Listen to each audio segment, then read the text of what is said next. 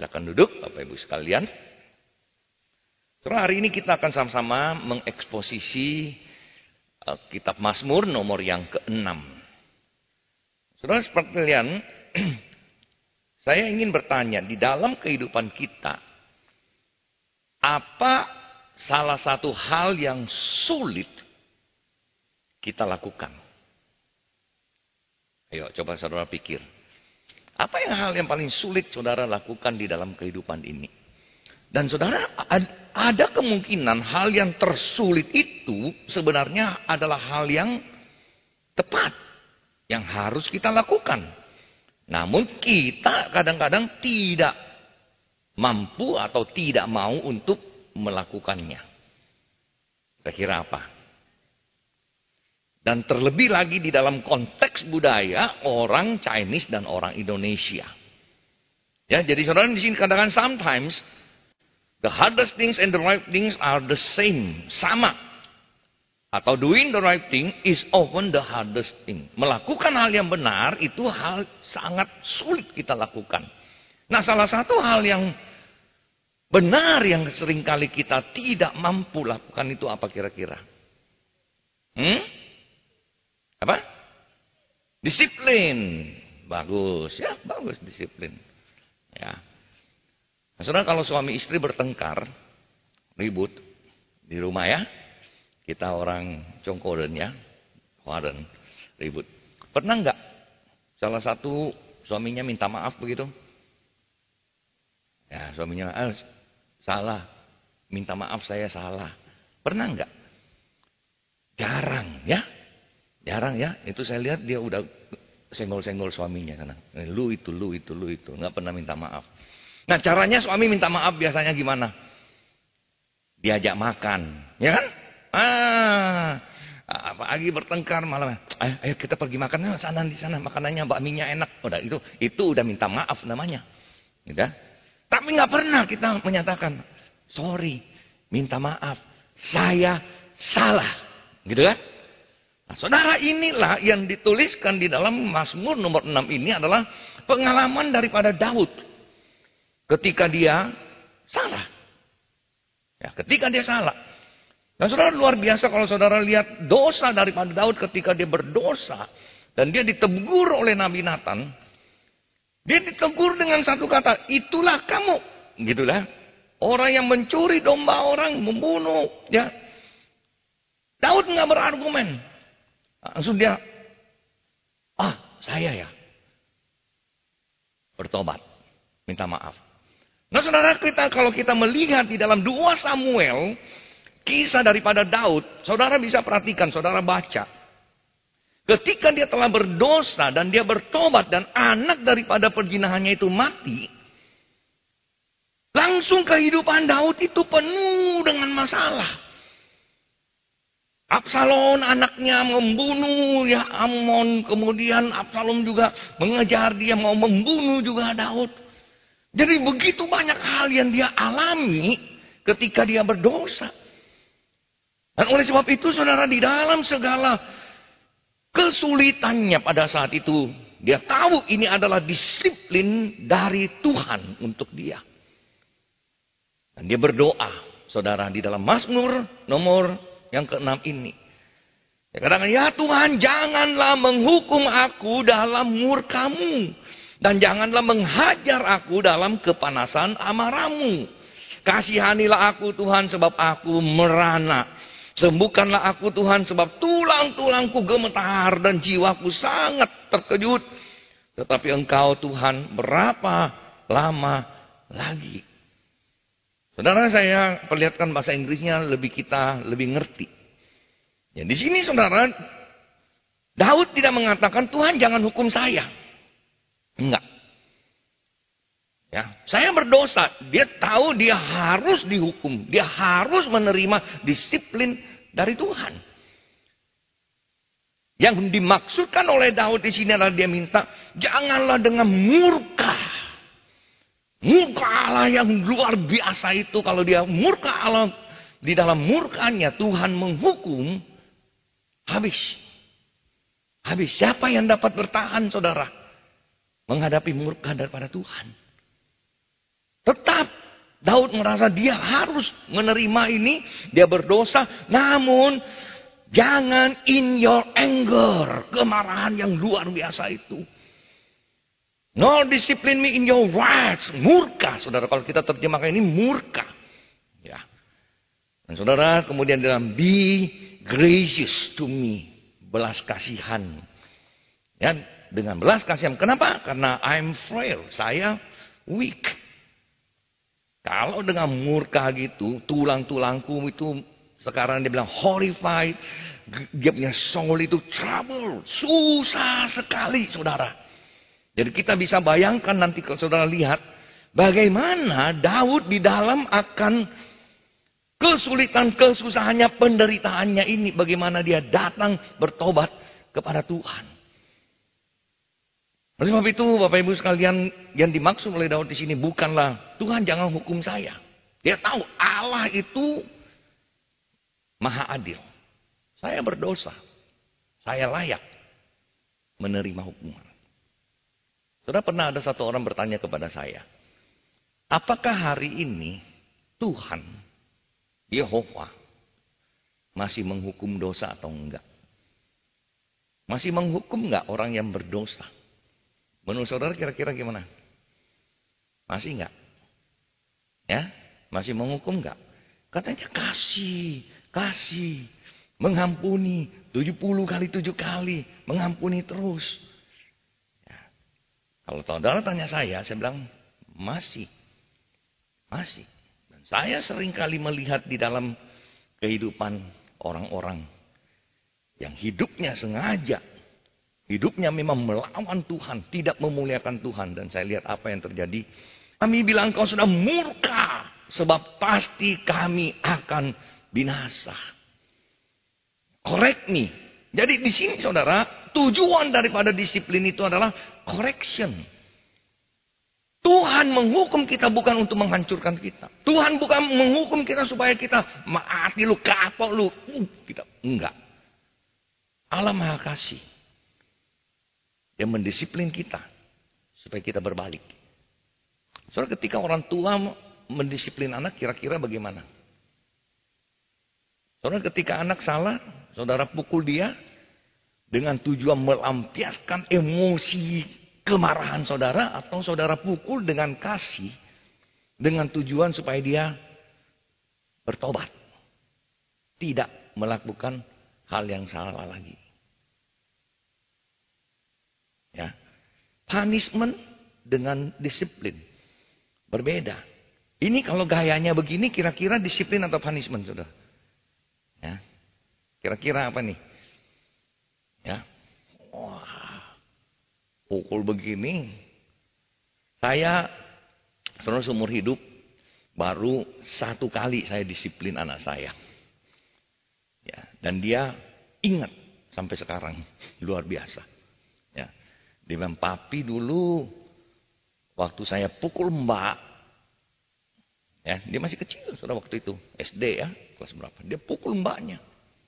Dia bilang, nggak boleh pukul orang. Sini tangannya. Ya, saya kasih pensil. ya, terus saya jepit. Tapi saya pakai perasaan jepitnya. Bukan mau patahin jarinya begitu kan. Uh, pencet gini. Nah, udah rasa sakit. Udah nangis. Ah, ah, ah, sakit. Padahal nggak terlalu sakit. Anak-anak itu kalau kita pukul. ya nggak usah sampai dia rasa sakit. Dia udah nangis. Tapi dia ingat. Dan sampai hari ini dia bilang.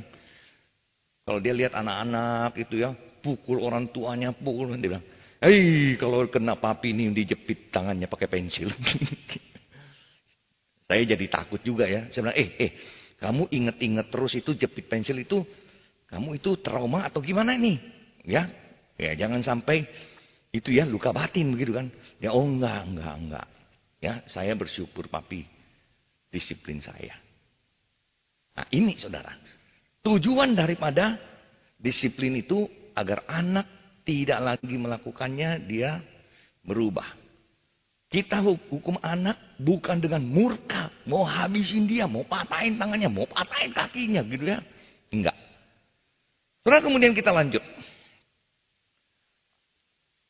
Tuhan menghukum, tapi tidak berarti Tuhan itu kemudian seperti meninggalkan kita. Nah, tapi di dalam konsep ini, di dalam bahasa manusia, Daud mengatakan Tuhan, seolah Tuhan itu meninggalkan dia. Oleh sebab itu dia bilang, kembalilah pula Tuhan. Kasihilah aku, jangan tinggalkan aku. Aku berdosa. Ya, luputkanlah jiwaku, selamatkanlah aku. Karena apa? Karena kasih setiamu. Saudara setiap anak-anak Tuhan. Ketika kita berdosa, ketika kita bersalah. Dan kita mendapatkan disiplin daripada Tuhan. Harus tetap ingat satu hal. Allah tetap mengasihi kita. Dan dia mendisiplin kita karena dia mengasihi kita. Oleh sebab itu Daud mengatakan. Ya, kembalilah. Luputkanlah jiwaku, selamatkanlah aku. Karena apa? Kasih setiamu. Dia tahu karakter daripada Allah. Allah yang maha kasih. Allah yang maha penyayang, maha pengampun. Dan dia tahu ketika dia datang ke hadapan Tuhan dengan hati yang hancur, dengan hati yang sungguh-sungguh mau bertobat, Tuhan akan meluputkan dia. Dan dia katakan, kalau saya mati tidak ada gunanya. Karena nggak bisa lagi menyembah engkau. Kalau saya mati, saya masuk ke dalam apa? Di sini, di dunia orang mati, pakai kata di dalam bahasa Ibrani, Sheol. Sheol itu di dalam konsep orang Ibrani, Sheol itu adalah neraka. Orang yang masuk neraka bukanlah orang yang memuji Tuhan, bukan. Jadi dia katakan, kalau saya sampai mati kemudian saya dihukum ini. Dan engkau meninggalkan saya seolah-olah saya ini tidak mengenal Tuhan. Saya akan masuk ke dalam neraka.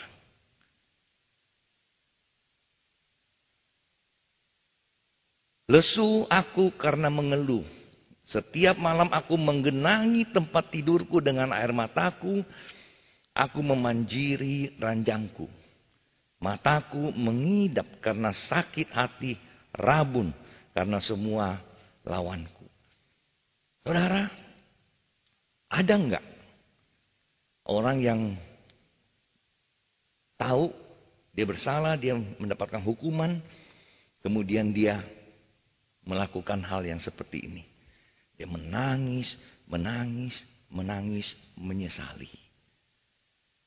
Di GKY setiap minggu kita ada pengakuan dosa. Saudara waktu pengakuan dosa itu saya nggak tahu. Saudara di hadapan Tuhan saat itu hatinya gimana? Ya, sungguh-sungguh ada satu dosa yang saudara tahu di dalam kepala saudara dan saudara mengakuinya pada saat itu? Atau saudara hanya dengar hamba Tuhan yang di sini berdoa? Kita di bawah seolah-olah saya dosa apa ya? nggak ada dosa yang saya perlu akui kayaknya minggu ini ya. Atau itu hanya sekedar salah satu bagian liturgi di dalam kebaktian. Kita baca pengakuan iman rasuli. Aku percaya kepada Allah yang maha kuasa. Kepada Yesus Kristus. Benar-benar itu keyakinan kita saudara. Ketika kita beribadah sungguh-sungguh saudara di rumah Tuhan. Ya, betul nggak kita merasakan the presence of God. Kehadiran daripada Tuhan itu.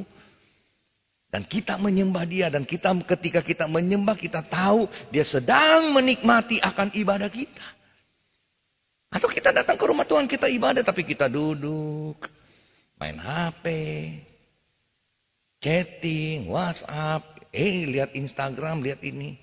Saya banyak melihat saudara jemaat sedang ibadah, main HP, lihat ini, lihat ini apa. Ya, saya tahu ya kita jangan menghakimi kalau orang pegang HP, oh itu main WA.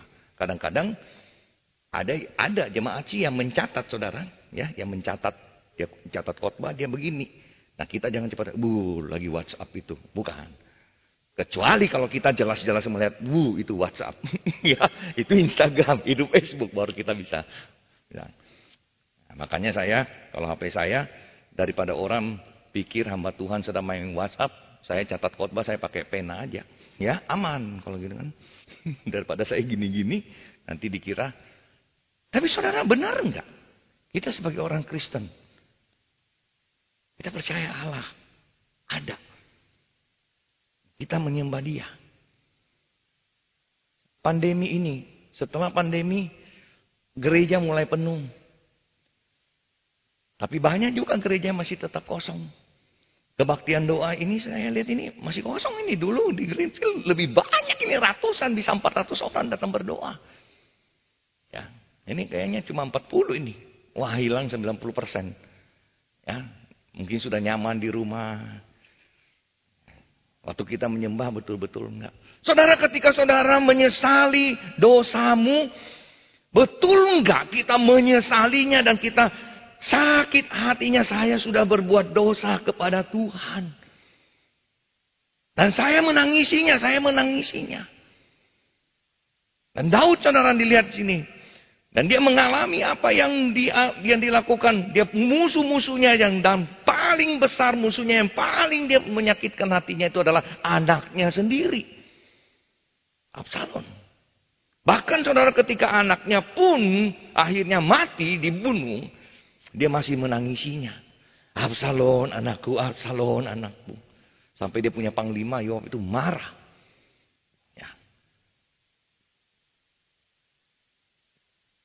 Saudara, ketika Daud dia sudah berdoa, dia mengenal karakter daripada Allah. Dan dia tahu dia datang kepada Tuhan dengan segenap hati. Nah inilah imannya. Tuhan mendengar saya. Tuhan mendengar. Ya. Oleh sebab itu dia berkata dalam doanya. Seolah-olah kepada musuh-musuhnya. Menjauhlah daripadaku kamu sekalian yang melakukan kejahatan. Karena apa? Sebab Tuhan telah mendengar tangisku. Tuhan telah mendengar permohonanku. Tuhan menerima doaku. Hati-hati. Saya sudah bertobat dan Tuhan mendengar akan seruan pertobatan saya dan Tuhan akan mengampuni saya memakan saya dan engkau musuh-musuh yang berbuat jahat kepada saya, hati-hati. Tuhan akan membalas. Dan dia katakan semua musuhku mendapat malu dan sangat terkejut. Mereka mundur dan mendapat malu dalam sekejap mata. Dan kita lihat musuh daripada Daud. Satu-satu, satu-satu mati. Bahkan kita ada lihat juga salah satu musuhnya yang besar juga Saul yang mau membunuh dia terus, mengejar dia. Ya tetapi saudara kita lihat, dia punya kesempatan bunuh Saul. Tapi dia nggak bunuh. Ya kenapa? Ini orang selalu mau bunuh saya nih. Sekarang saya punya kesempatan bunuh dia. Tapi dia katakan, ini orang yang diurapi Tuhan. Saya nggak bisa. Tentu dia. Biarlah Tuhan yang melakukan membalas akan dosa-dosanya. Saudara sekalian, waktu saudara berdoa, saudara tahu saudara berdosa, apakah saudara juga yakin Tuhan mengampuni? Kalau doa yang kita naikkan tentunya dengan satu kesadaran dan satu kerinduan saya tidak akan mengulangi hal yang sama. Saya tidak akan lagi berdosa. Tapi kalau saudara hanya berdoa, Tuhan ampunilah saya. Saya datang kepada Tuhan hari ini. Tapi tidak ada kesembuhan. Kira-kira Tuhan dengar nggak? Tuhan dengar nggak? Ya. Kita harus bertanya pada diri kita, saudara. Orang hebat bukan mereka yang tidak pernah berbuat salah atau dosa. Tapi bila berbuat salah dan dosa, mereka mengakui kesalahannya, segera bertobat dengan hati dan berjanji tidak akan kembali, tidak akan mengulangi kembali. Itu baru orang hebat. Seseorang manusia harus cukup rendah hati untuk mengakui kesalahannya, cukup bijak untuk mengambil manfaat dari kegagalannya, dan cukup berani untuk membetulkan kesalahannya. Ini orang-orang yang hebat, saudara. Jadi jangan saudara pikir kalau saya berdosa, saya bersalah, saya minta maaf, saya berubah, saya lemah. Enggak. Justru kalau kita bisa datang mengakui kesalahan, itu adalah kerendahan hati. Kemudian bisa belajar dari manfa manfaatnya. Dari hukuman. Dari apa yang kita dapat. Dan kita belajar kita dapatkan manfaatnya. Dan membetulkan hidup kita. Katakan itu bijak. Ya, dan cukup berani untuk membetulkan kesalahan. Bagaimana dengan saudara? Hubungan dengan Tuhan, hubungan dengan sesama. Berapa banyak orang di sekitar kita, mulai dari keluarga kita sendiri, hubungan suami istri. Tahu ada yang benar-benar, tahu ada yang salah. Tapi pernah enggak kita berani mengakuinya, minta maaf, dan berubah. Dengan Tuhan bagaimana saudara? Ya. Saudara, firman Tuhan mengatakan jika kita mengaku dosa kita, maka ia ada setia dan adil. Sehingga ia akan mengampuni segala dosa kita dan menyucikan kita dari segala kejahatan. Ya, ini yang Tuhan mau. Kita tidak akan sempurna, tidak lagi berbuat dosa. jika belum sampai di masa kemuliaan, glorification.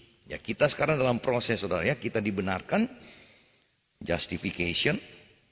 Ya, kemudian kita sedang dikuduskan sanctification sampai nanti pada masa kemuliaan.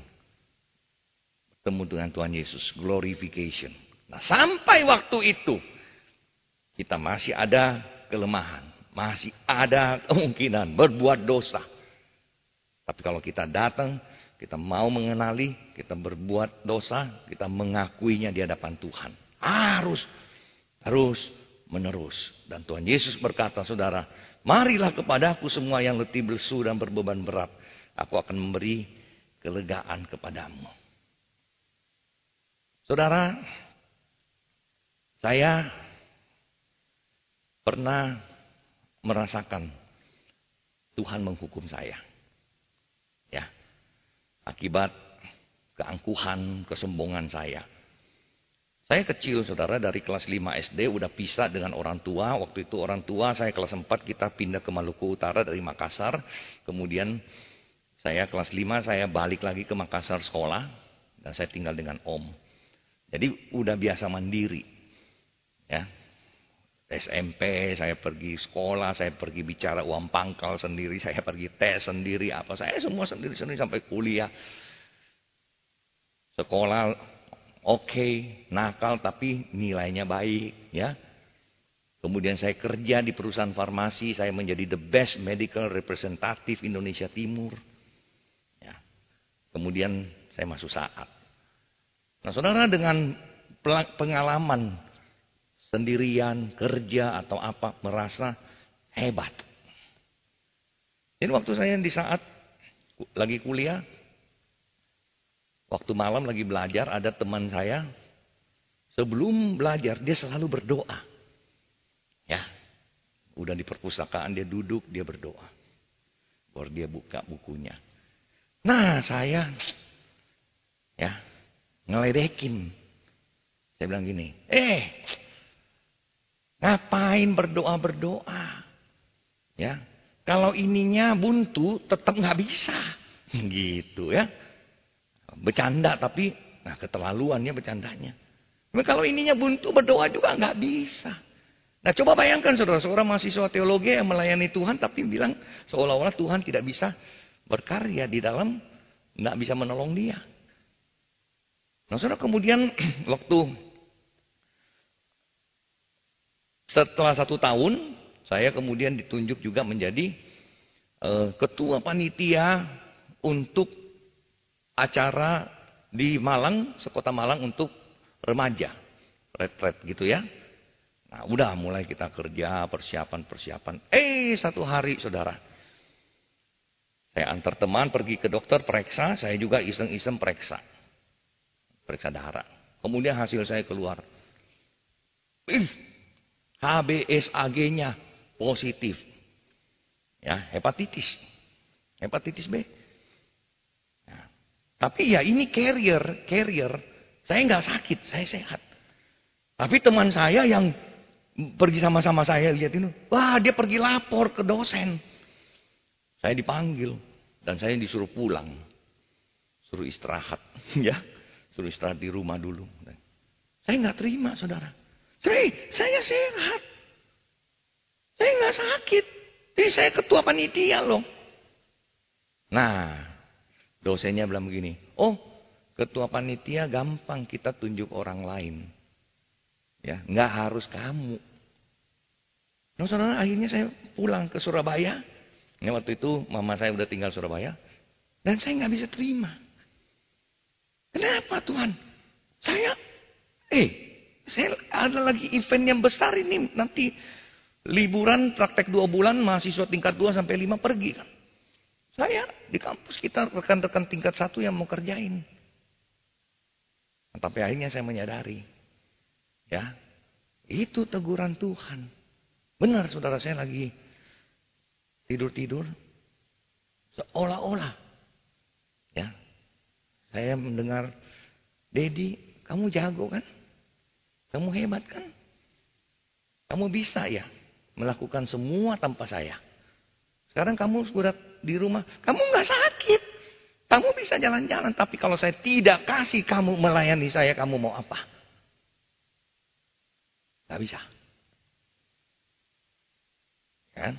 Nah saudara sejak saat itu, ya nggak berani, nggak berani mengklaim ini saya, ini saya, Tuhan. Dan Tuhan bagaimana? Puji Tuhan. Ya saya istirahat, saya ini, kemudian saya pergi tes lagi, saya berdoa, berdoa, ya hasilnya keluar, eh negatif, hilang udah, saya bisa balik ke kampus. Saudara sekalian, mencegah atau menangisi. Perlu tunggu sampai Tuhan mendisiplin kita, baru kita mau menangisi dosa kita. Atau sebelum kita berdosa, kita berbalik cepat-cepat. Hari ini saudara berapa banyak orang yang telah hidup di dalam dosa, mendukakan hati Tuhan tapi merasa benar. Saudara, bukankah dua orang yang berantem sama-sama merasa benar? Betul nggak? Nggak ada yang salah. Tapi tetap ada satu yang salah, tetap. Saya kasih contoh yang simpel, saudara. Daniel dan kawan-kawan di Daniel pasal 3. Daniel, Sadrak, Mesak, Abednego melayani Raja Nebukadnesar. Melayani negara dengan baik. Tapi kemudian Nebukadnezar bikin satu patung dan orang-orang yang ini para ahli yang lain bilang, "Harus raja suruh orang semua menyembah patung kamu." Bagus nggak ide itu? Bagus nggak raja ditinggikan? Bagus. Tapi ide itu sebenarnya untuk apa? Untuk apa idenya itu? Mau menjebak Daniel dan kawan-kawan. Tapi seolah-olah di hadapan raja dia tinggikan raja. Nah, dari dua kelompok ini saya mau tanya. Siapa yang sedang meninggikan raja? Siapa yang sedang meninggikan raja? Daniel dan kawan-kawan dia melayani. Bekerja untuk raja, memajukan negara. Tapi ini sekelompok orang ini iri hati. Mau mencelakakan Daniel. Tapi wah suruh orang menyembah raja. Menyembah raja. Seolah-olah raja yang ditinggikan. Padahal niatnya salah. Nah saudara di dalam hal ini. Kita harus menyadari. Motif di dalam diri kita saudara ketika kita melakukan sesuatu. Biarlah seperti Daud mengatakan. Selidikilah aku ya Allah. Kenali hatiku. Ujilah aku, kenallah pikiran-pikiranku. Lihatlah apakah jalanku serong dan tuntunlah aku di jalan yang kekal. Kalau kita yang memikirkan selalu saudara kita tuh merasa kita benar, kita benar, kita benar. Tapi hanya Tuhan.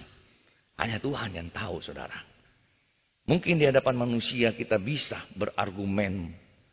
Mau sampai gimana pun kita berargumen kita betul. Kita betul memuliakan Tuhan, memuliakan Tuhan. Tapi belum tentu kita sedang memuliakan Tuhan. Kita sedang meninggikan diri kita sendiri. Hati-hati saudara. Mencegah atau menangisi. Kita berdoa.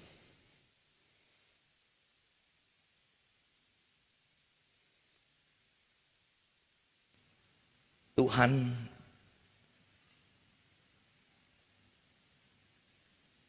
Betapa sering kali kami bertindak bagaikan orang yang bodoh, naif. Kami tidak melakukan apa yang Tuhan inginkan. Bukan yang menyenangkan hati Tuhan. Tapi demi kemuliaan diri sendiri, kepentingan diri sendiri, kemuliaan diri sendiri.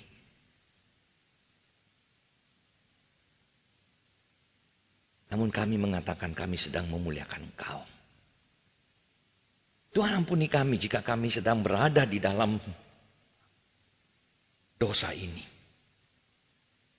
Dijauhkanlah semua hukuman-hukuman, disiplin-disiplin daripada Tuhan Sebelum semuanya itu menghampiri kami. Kami mau bertobat ya Tuhan. Ampuni kami. Ampuni kami. Dan biarlah di dalam kehidupan kami. Ketika kami mengakui engkau sebagai Allah yang maha kuasa, Allah yang maha tahu, Allah yang maha pengasih, maha adil. Biarlah kami hidup juga mencerminkan akan iman kepercayaan kami itu. Kami takut kepada murka Tuhan. Kami takut kepada amarahmu ya Tuhan. Karena kami akan hancur. Kami akan binasa. Ketika engkau mendisiplin kami dengan murkamu. Namun Tuhan ajar kami. Disiplin kami. Dengan kasih setiamu Tuhan. Agar kami berbalik ke jalan yang benar. Terpujilah namamu, dengar doa kami. Di dalam nama Tuhan kami Yesus Kristus menebus juru selamat kami. Kami berdoa. Amin. Tuhan berkati.